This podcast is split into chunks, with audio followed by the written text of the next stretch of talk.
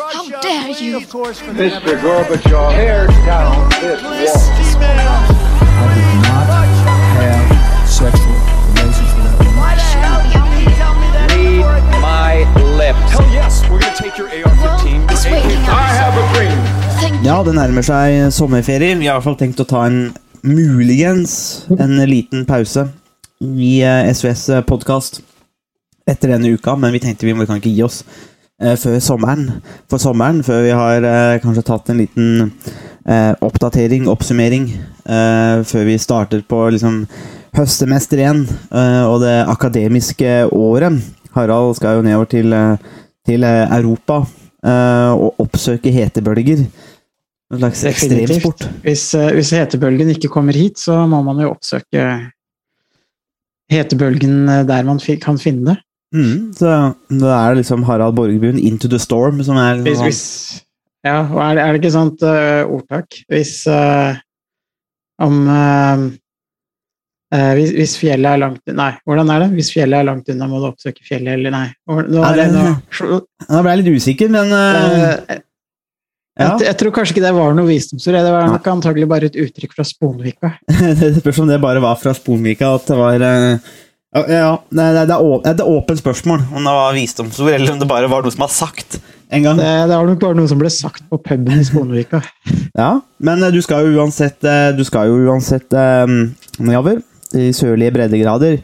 ja. uh, Så da får vi se om vi um, Om det blir noen podkaster underveis, eller så blir det her den siste før, eh, før vi tar en aldri så liten eh, sommerferie. Hører kanskje stemmen min Jeg har gått på en så liten sommerforkjølelse. En, eh, en usaklig smell eh, som eh, jeg ikke verdsetter, men eh, vi manner oss opp. eh, og motiverer eller mobiliserer krefter for å spille inn eh, en, ny podkast.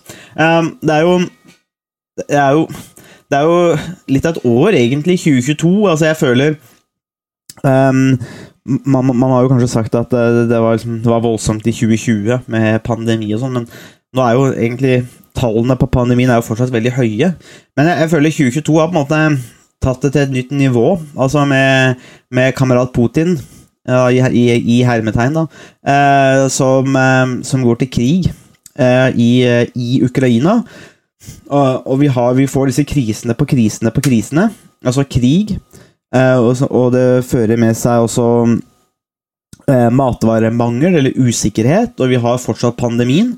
Eh, og selv om vi tulla litt i stad med at du skal oppsøke varmere eller hetebølgene, så er også det blodig alvor. Altså, jeg så i The Guardian nå at forrige døgn så døde det godt over 300 spanjoler som en følge av hetebølgene.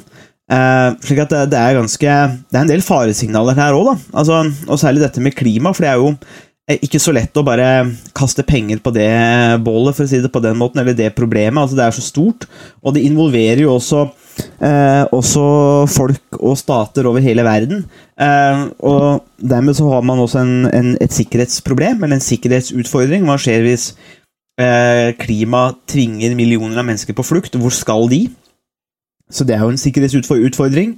Um, og så så jeg Jens Stoltenberg um, uh, Jens Stoltenberg um, jo, eh, hadde jo en, en tale her, her om dagen som gikk sin seiersgang på eh, sosiale medier, så jeg òg, og som blei litt hylla om måte, kostnaden ved krigen i Ukraina. Uh, hvor han også påpekte at uh, det er mulig vi andre må betale en kostnad i form av penger, mens ukrainerne betaler en kostnad altså i form av et ødelagt land eh, og titusenvis eller hundretusenvis av drepte. Um, så det er, det er litt sånn krisetid eh, på en måte her. altså Det er kanskje lett å dytte det litt vekk òg, men, eh, men, eh, men eh, det var noe jeg tenkte å ta inn i den uh, podkasten her, Harald. For det er en del ting som eh, Det er en del utfordringer, problemer, som vi står overfor nå. Eh, og så er spørsmålet har vi på en måte det politiske systemet som er rigga til å ta hånd om det. Ja, altså man kan jo si at når eh, mange av disse problemene allerede har oppstått, så kan man egentlig si at demokratiet ikke har klart å være å unngå eh, en del av de utfordringene og en del av de problemene man står overfor. Man har ikke klart å gjennom eh, demokratiene eh, og Nato og det internasjonale samfunn å unngå at det ble krig i Ukraina. Man har heller ikke klart å få bukt med inflasjonen som har oppstått eh, i kjølvannet av eh, pandemien, og som krigen i Ukraina egentlig har gjort mye verre.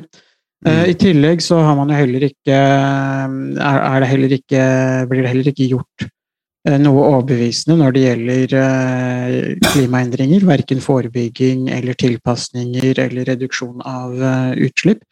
Eh, og hvis vi går til, eh, til USA, som ofte har blitt trukket fram som eh, et slags demokratiets eh, fyrtårn, eh, så er det jo eh, opptatt av eh, spørsmål som eh, abort, høringer om stormingen av Kongressen 6.1 i fjor, eh, våpenlover, masseskytinger.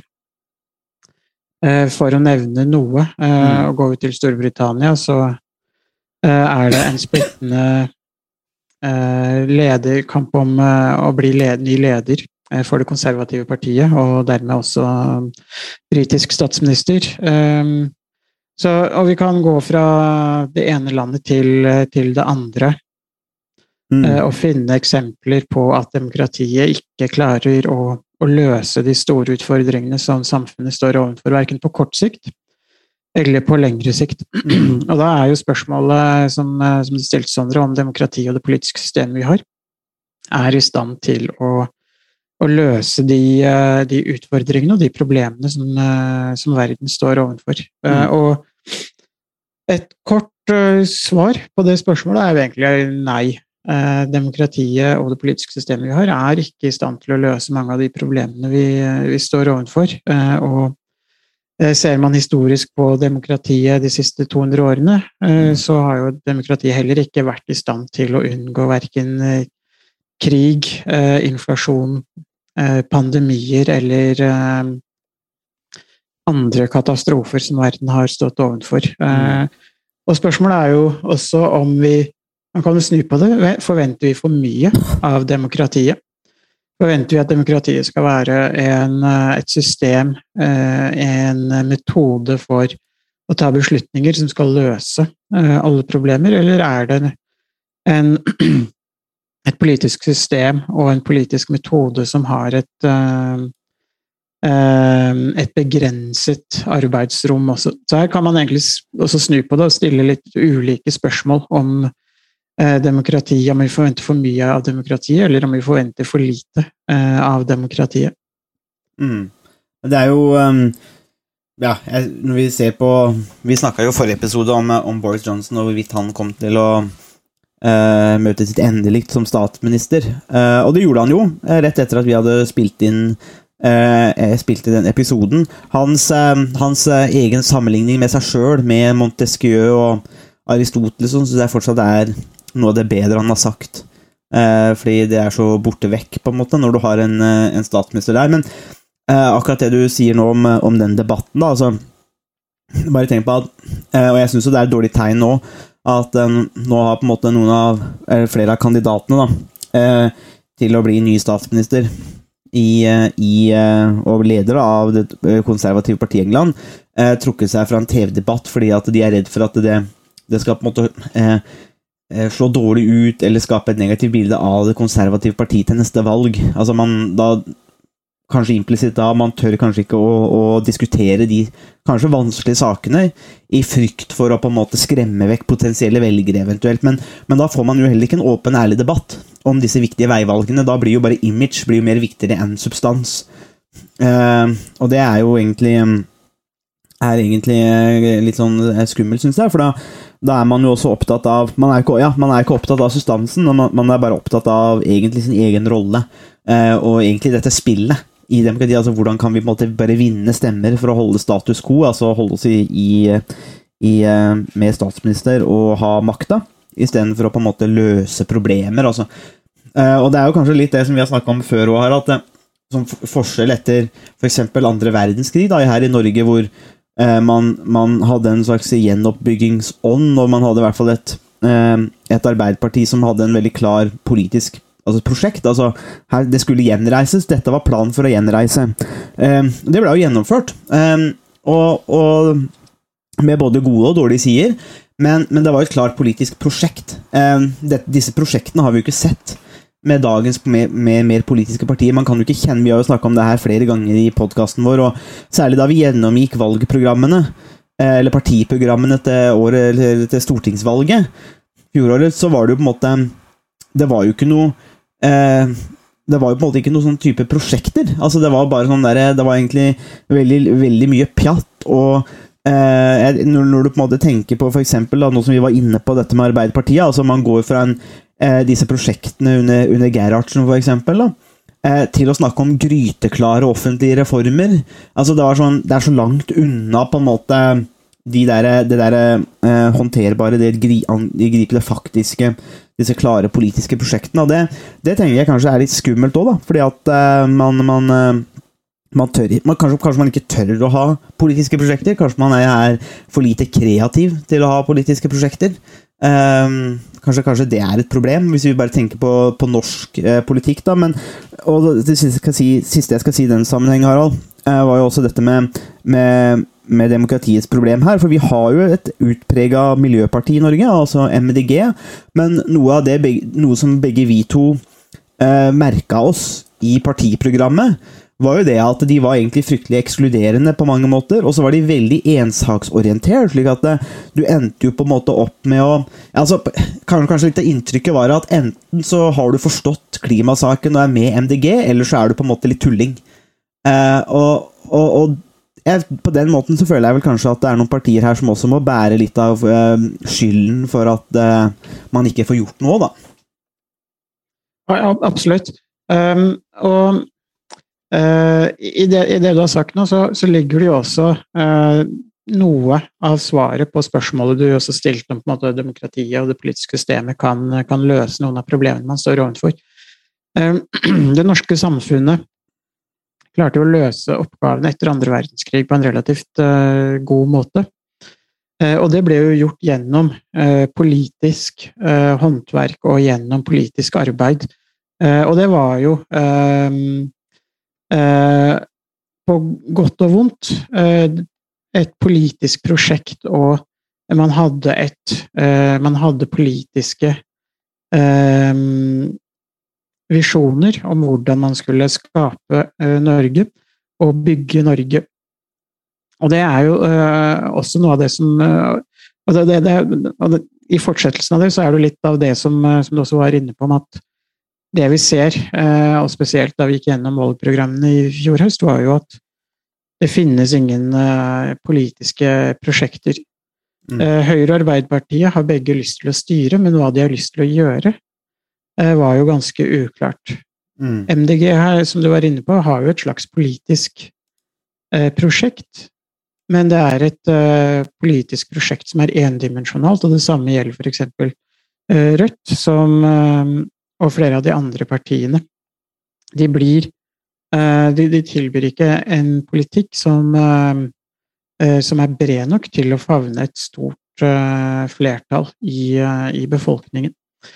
Og der, der, ser vi jo egentlig både mulighetene og begrensningene i demokrati som, som styrer for.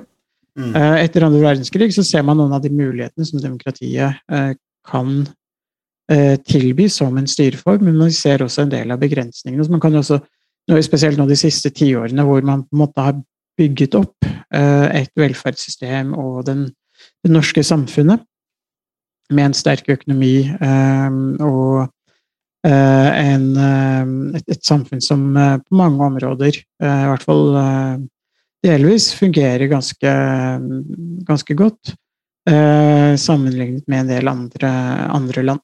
Mm. Så norsk historie de siste 70, 70 årene belyser jo egentlig noen av begrensningene, men også mulighetene som ligger i, i demokratiet. Så det betyr jo egentlig at til en viss grad så, så gir demokratiet muligheter, eh, samtidig som eh, det ligger klare begrensninger. Og det er jo spørsmålet eh, hvor mye kan vi forvente av demokratiet? Mm. Eh, var det helt spesielle eh, Var det en helt spesiell situasjon i Norge etter 1945 som gjorde at vi eh, vi klarte å utnytte potensialet i demokratiet?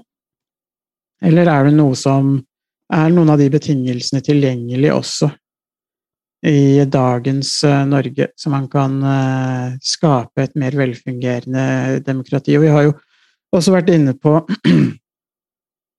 hvordan politikerne eh, hvordan det virker som at politikerne fjerner seg fra det man kan kalle vanlige folk, og at de utvikler seg til å bli en slags egen klasse som i større eller mindre grad er politikere fordi de ønsker å få noen av de godene og fordelene som følger med å være f.eks. stortingspolitiker.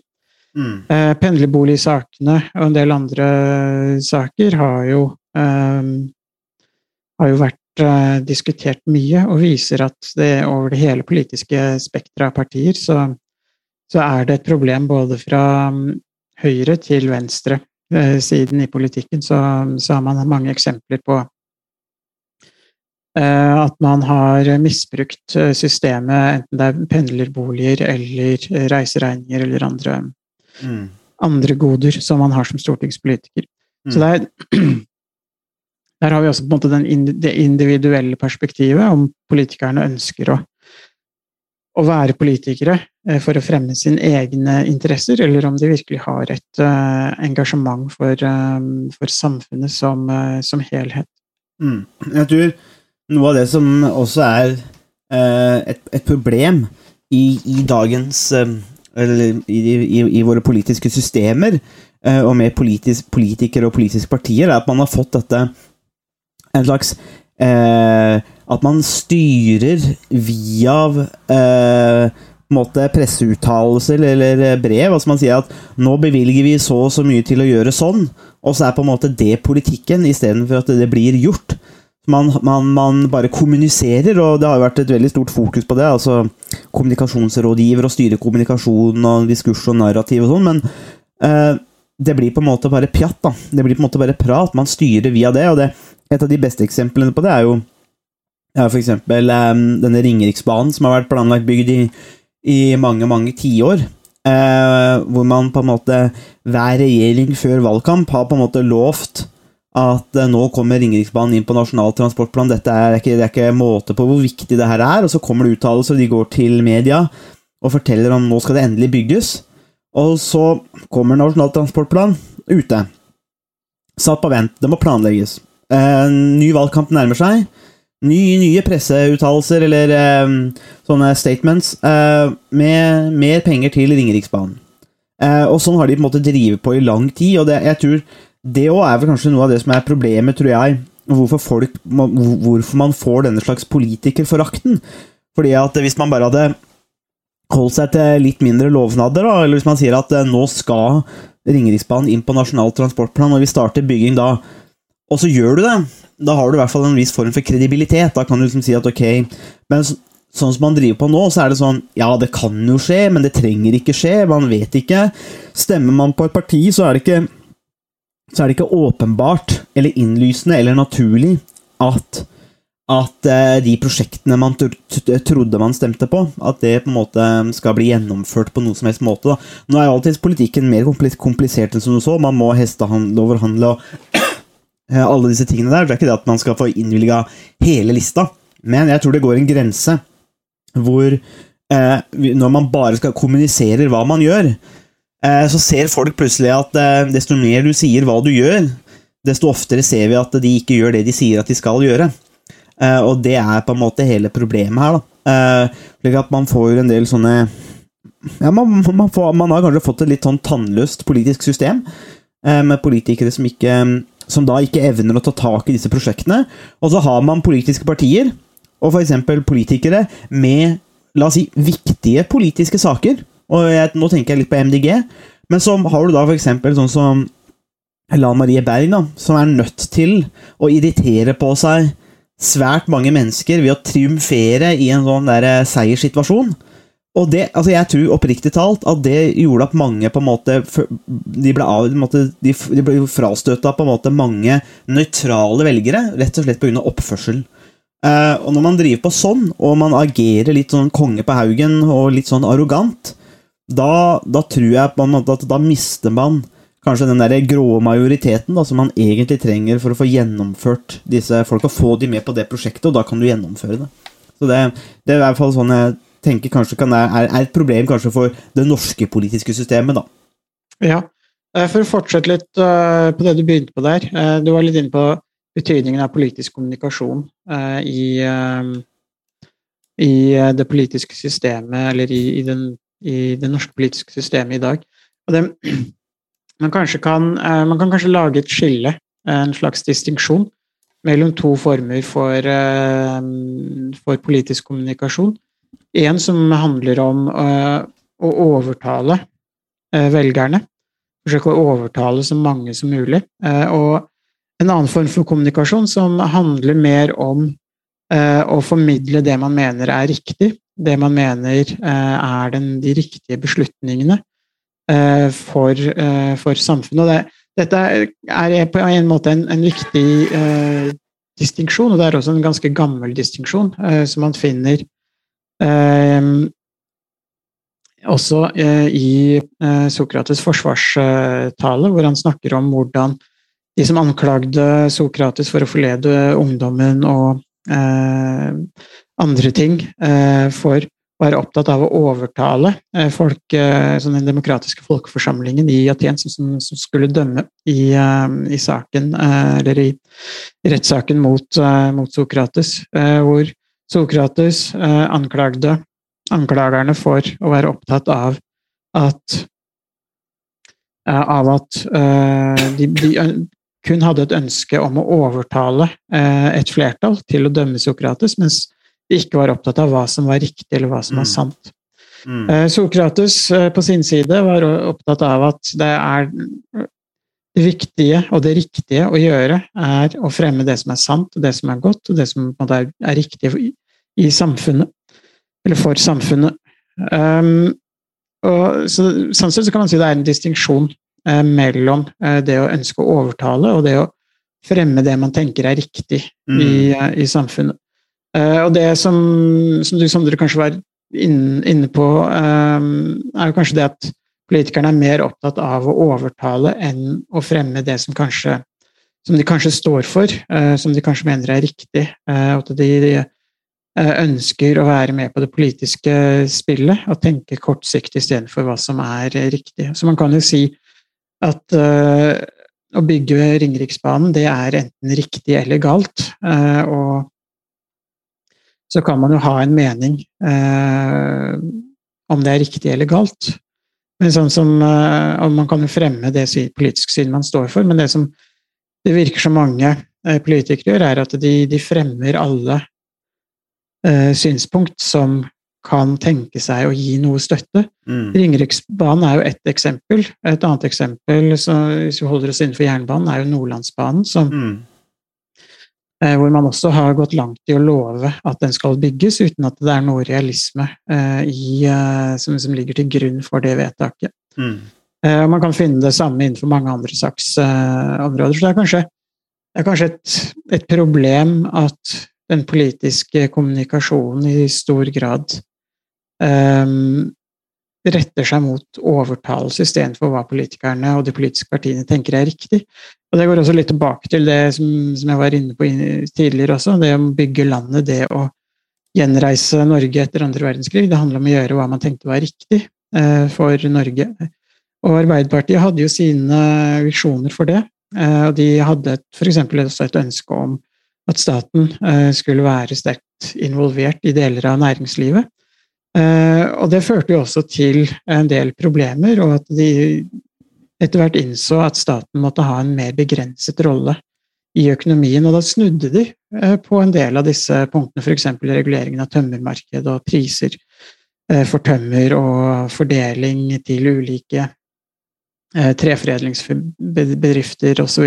Mm. Eh, Så eh, på en måte så er det jo mer redelig å gjøre som Arbeiderpartiet gjorde på 50-tallet. De hadde en visjon, men så så de at den visjonen måtte korrigeres, og så korrigerte de eh, kursen. Eh, Mens det man ser i dag, er at man, man smører tynt utover alle gode saker, eh, og man ønsker å fremme alle gode eh, tiltak eh, og eh, eh, politiske saker som kan, eh, kan gi noe eh, støtte eller være med på å overtale flere uten at man egentlig kommer Mm. eh, noen vei videre. Og da stopper politikken litt opp, fordi man ender opp med en masse vedtak som egentlig ikke, som det ikke er noe grunnlag for, og man vegrer seg for å prioritere, og man vegrer seg for å inngå kompromiss med andre partier som gjør at man mister noe, fordi man egentlig har lovt altfor mye. Og det gjelder til en viss grad alle partiene. De lover for mye, eh, og det gjør det vanskeligere å inngå kompromiss, fordi at de da må gå tilbake på en del av det de har lovt tidligere. Men hadde de prioritert sterkere, så ville de også kunnet oppnå mer av det som de kanskje lovte i utgangspunktet. Mm. Nei, det er jo en, en, en, en slags dårlig sirkel. Det der synes jeg, jeg synes det er fin den, den diskusjonen du gjør òg, mellom måte, er målet å overtale, eller er målet å på en måte, gjøre det riktige. Um, og det kan jo være da definert for ut hva man, hva man mener sjøl òg, ikke sant. Um, det blir jo skummelt hvis man mener at det, det riktige er, er på en måte sannheten, og så jager man etter den. En slags teleologisk perspektiv. Uh, litt, litt à la det noen av disse kommunistene brant seg på uh, i noen stater, hvor på en måte dette proletariatet var det hellige. Som, eh, som på en måte midlet, eh, eller målet, eh, helliga middelet. Og det også ble litt trøbbel, så det er jo, en, det er jo alltid en, en, en balansegang her. Og det er jo, men det handler jo om å, å prioritere eh, ressursene, som, vi, som ikke er ja, vi, har ikke, vi har ikke flust av disse ressursene, de må fordeles eh, på, på best mulig måte, og så er det hvordan man gjør det. Men jeg tror, igjen da, som vi har vært inne på, at du når en grense hvor når det bare blir pjatt og det blir prat, så, og man lover altfor mye, som du sier, så, så til, til slutt så mister folk litt eh, interessen. De mister grep om det, og så eh, Ja, det blir, det blir veldig lite substans igjen. Eh, det bygger politikerforakt, men jeg, tipper men jeg syns også at det kanskje bygger en politikerklasse som blir mer og mer out of touch med, med, med samfunnet. Da, da mener jeg ikke sånn ikke ser den vanlige personen eller vanlige folk, eller sånt, noe, litt, sånn halvveis klisjé, men, men det er noe med det at er sånn som i år, da, når Stortinget bevilger seg sjøl en saftig lønnsøkning i, i samme momentet som det bare er faresignal på faresignal på faresignal, og det er ekstremt høye strømpriser, drivstoffpriser Altså, det skviser en lang rekke mennesker. Da bestemmer du deg for at dette er tida for å, for å på en måte gi seg sjøl en solid lønnsøkning. Eh, det er på en måte så smakløst, da.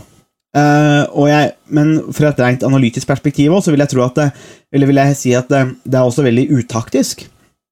Eh, fordi man setter seg opp for hogg her. Eh, og kanskje man setter seg opp for hogg òg fra type populister.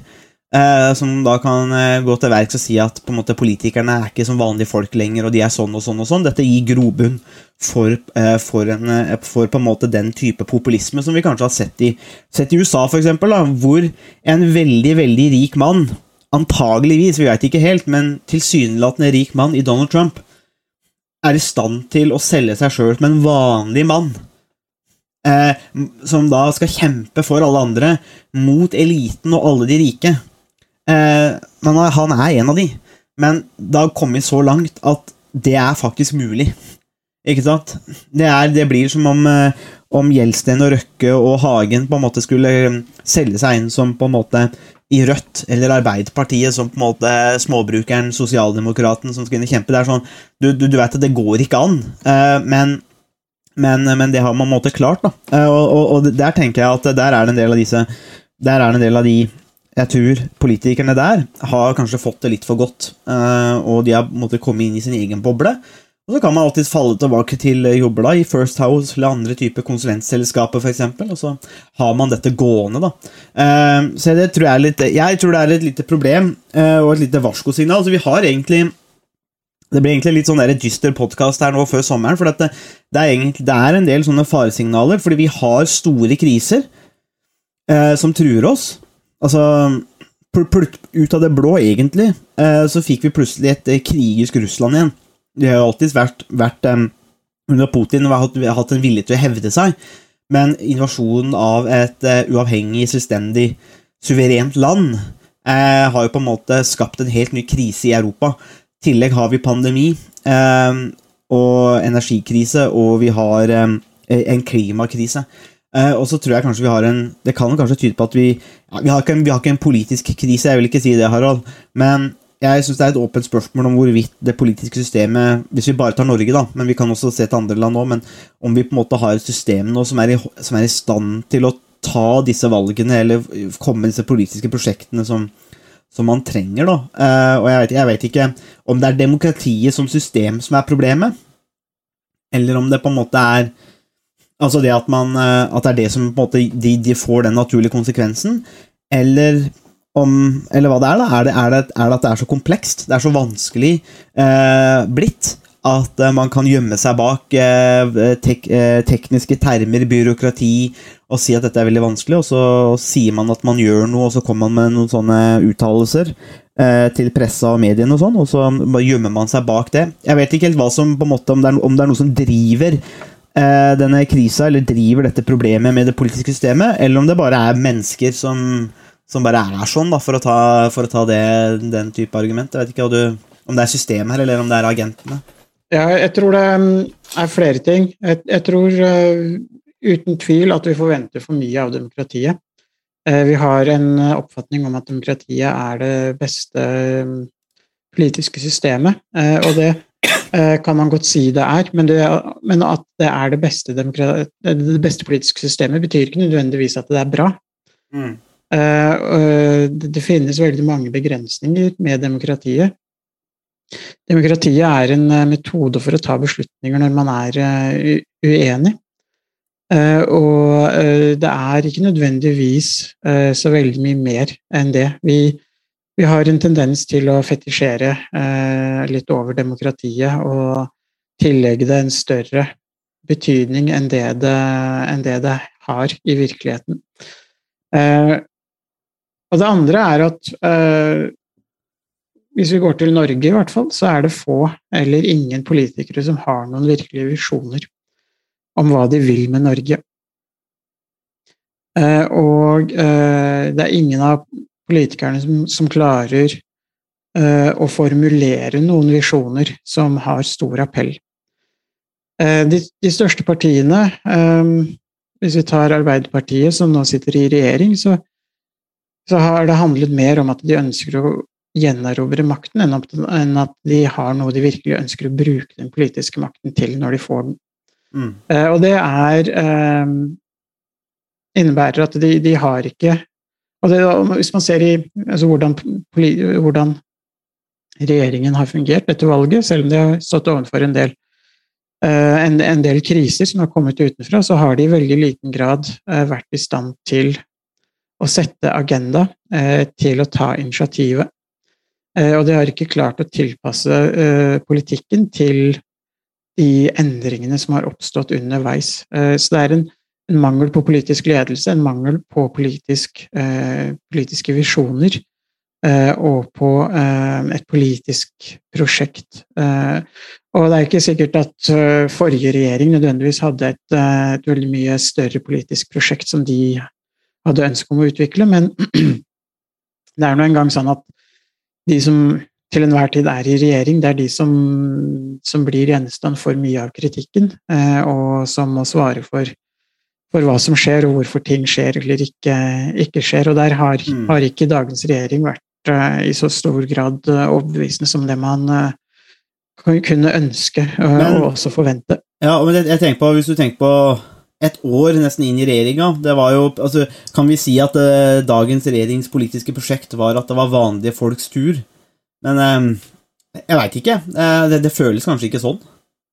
Nei, uten, uten tvil. Eh, vanlige folk er de som, som opplever at de må betale mer både for ferier, hvis de i det hele tatt kommer seg på ferie, hvis ikke flyet er eh, kansellert. Eh, du må betale mer for bensin, diesel, eh, matvarer, eh, økende rente osv. Så, videre. så det er, jo, det er jo uten tvil eh, vanlige eh, folk som får svi. Og nå er det jo kanskje litt urettferdig å si at det er dagens regjering som har skylda for det, men altså de har jo også, som du var inne på, Sondre, de har på en måte gjort seg laglig til for hogg også, spesielt med et, eh, et slagord eh, om at nå er det vanlige folk sin, eh, sin tur. så har jo egentlig alt gått på tverke, både når det gjelder pandemi og krig og inflasjon og strøm og hva det måtte være. Så sånn sett så, så, så har, de, har de ikke Og de har ikke klart å, å ta noe av initiativet eller å vise et lederskap eller, eller å gå foran. Eh, og de snakker om at de skal vente til høsten eh, med å gjøre endringer i drivstoffavgiftene, f.eks. Og det, det eneste som Støre har gjort eh, nå i sommer, er å si at det kommer til å bli vanskelig til høsten. Ja. At vi går en vanskelig høst i møte. Og det, akkurat det tror jeg nok eh, de aller fleste eh, er veldig eh, klar over. Det, det, har, det har nok folk skjønt allerede, men det kan jo hende at det de mente med at det var vanlige folks tur, for det er jo, det er jo, er jo egentlig en åpen formulering, hvis du tenker på det. Altså, det er enten vanlige folks tur til å få det bedre eller få hjelp. Det kan også være vanlige folks tur til å ligge på bånn igjen eh, og, og, få pisken, sånn som man alltid gjør. Og det, det ville jo for så vidt være eh, Hvis det var det de mente, så ville jo det for så vidt være eh, Ja, det ville vært eh, egentlig litt spesielt, men det ville jo for så vidt passa helt inn i, i hvordan mange, f.eks. på venstresida eller ytre venstresida, på en måte eh, ser på det kapitalistiske systemet. At det er jo alltid vanlige folk som må bære de største kostnadene for, for ting. da. Det er, vel, det, er vel, det er, vel, egentlig kanskje et slags empirisk faktum òg, at, at er, du, er, du, rik og velstående, så har du litt andre Du har buffer og andre verktøy til å på en måte eh, få en litt mer mjukere landing da, i krisesituasjoner. Så det kan jo hende bare at det var det de mente, da, eh, med Støre og Vedum, at nå er det vanlige folks tur. Men det er rett og slett bare til å ha det, ha det, ha det tungt og jævlig som vanlige folk har hatt det i, i tidligere tider. Og så var det, var, det, var det, egentlig det de mente, da. Ja, altså um, jeg, jeg, tror folk er både forberedt på og vilje til å oppleve at en del ting kanskje blir litt dyrere, vanskeligere, mindre tilgjengelig.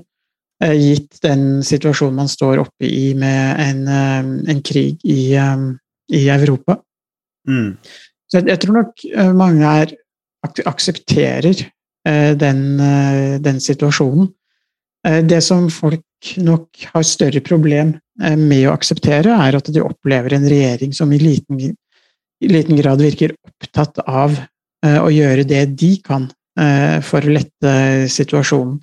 At de opplever en regjering som er passiv, og som ikke eh, viser initiativ til eh, å, å, gjøre det som, det som er mulig gjennom eh, skatter, avgifter, eh, andre lettelser osv. Mm.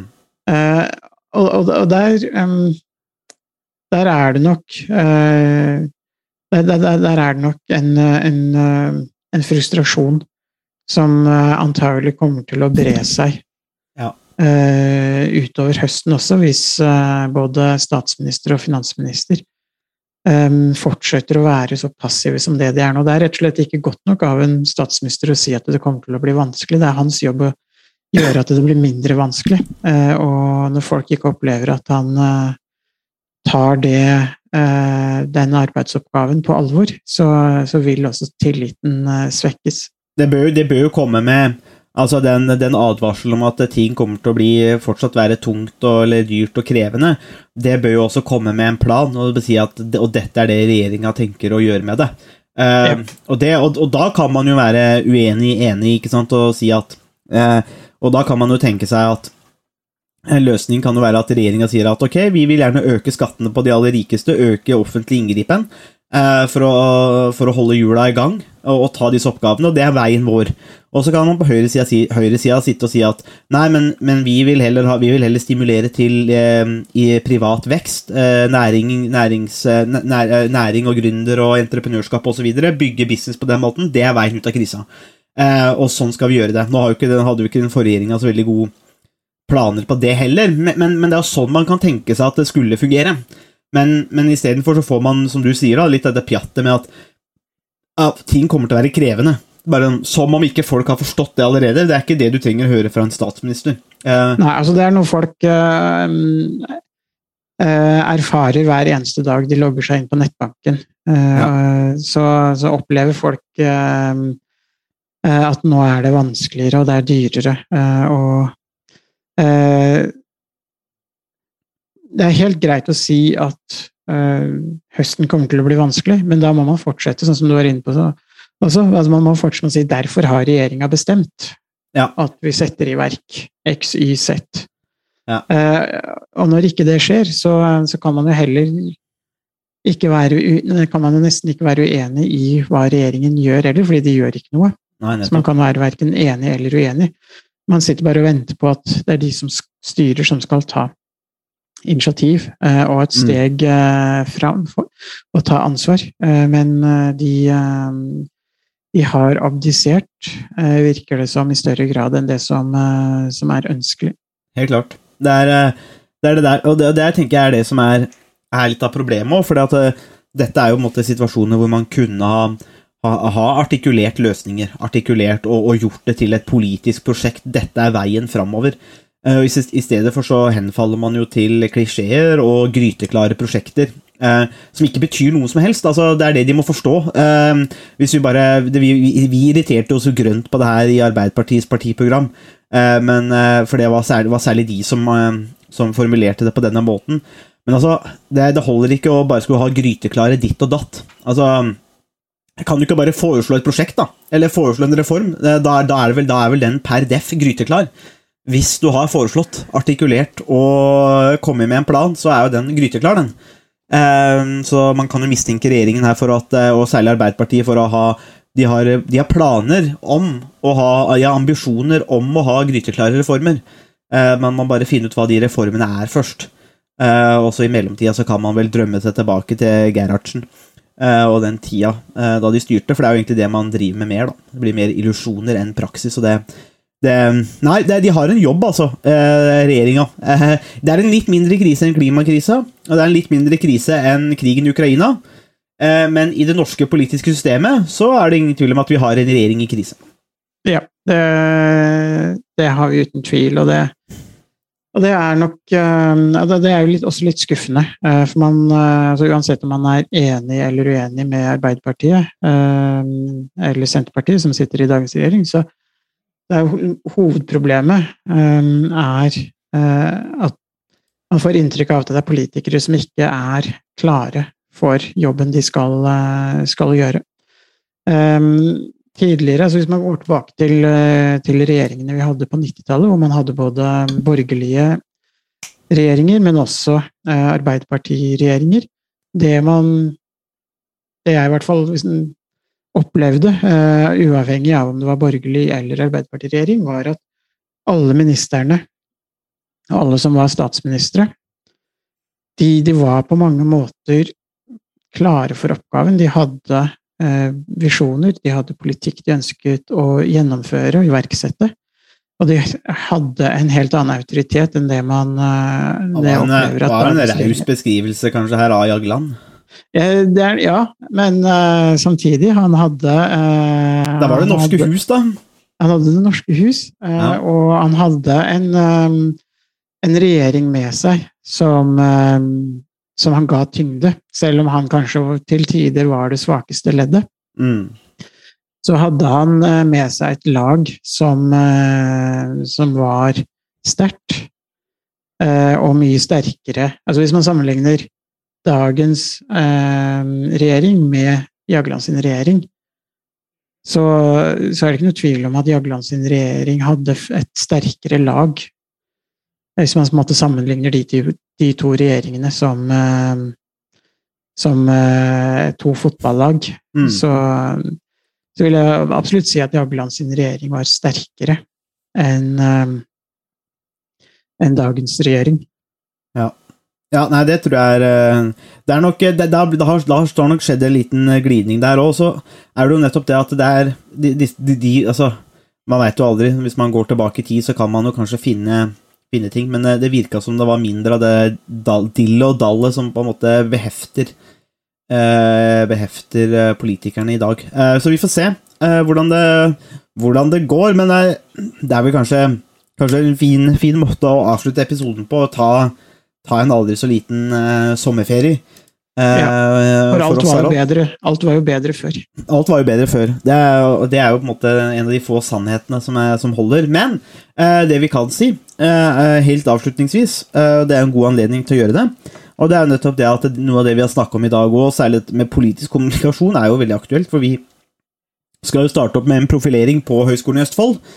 Eh, hørende innunder bachelor i internasjonal kommunikasjon, så kommer det jo en profilering i politisk kommunikasjon.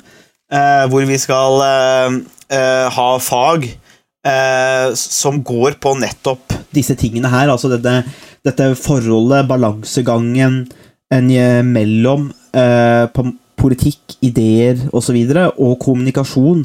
Eh, både hvordan man kan overtale og få folk med seg, men også dette, denne spenningen som du nevnte, da, som har måte vært med oss helt siden Aristoteles òg. Og Sokrates, jeg. At du, du får denne på en måte, hva, Kjører man på det som er rett og godt, eller er det bare, egentlig bare å et mer sånn sofistisk standpunkt, hvor man bare skal få, få flest mulig med seg. Det er jo, det er jo, det er jo disse typer spørsmålene som vi eh, Og mer til, og vi skal jo lage en podkastepisode mer spesifikt om dette, men vi kan jo i hvert fall minne eller informere lytterne våre om at eh, et sånt studietilbud kommer ved Høgskolen i Østfold. Um, så det er bare å søke der, egentlig. Så tar vi imot. Eh, så vi har, det er bare å glede seg. Så vi skal Harald og jeg ta imot det hvis dere, hvis dere kommer dit. Så det som sagt Høgskolen i Østfold, eh, politisk kommunikasjon. Dere finner det under bachelor for internasjonal kommunikasjon, så det er en profilering der, da. Så da er det bare å leite opp og søke. Men da sier vi god sommer, tror jeg, foreløpig fra SOS Podkast. Skjer det noe, så kan det hende at vi kommer innom eh, neste uke eller et eller annet med en podkast, men det får vi, får vi se. Takk for at eh, du hørte på Statsvitenskap og sånt. Har du spørsmål, kommentarer eller tilbakemelding, så er det bare å ta kontakt på vår Facebook-side, per e-post eller brevdue. Musikken er som vanlig laget av Robin Horvath, og Mats Halvorsen mikser og redigerer podkasten. Vi høres!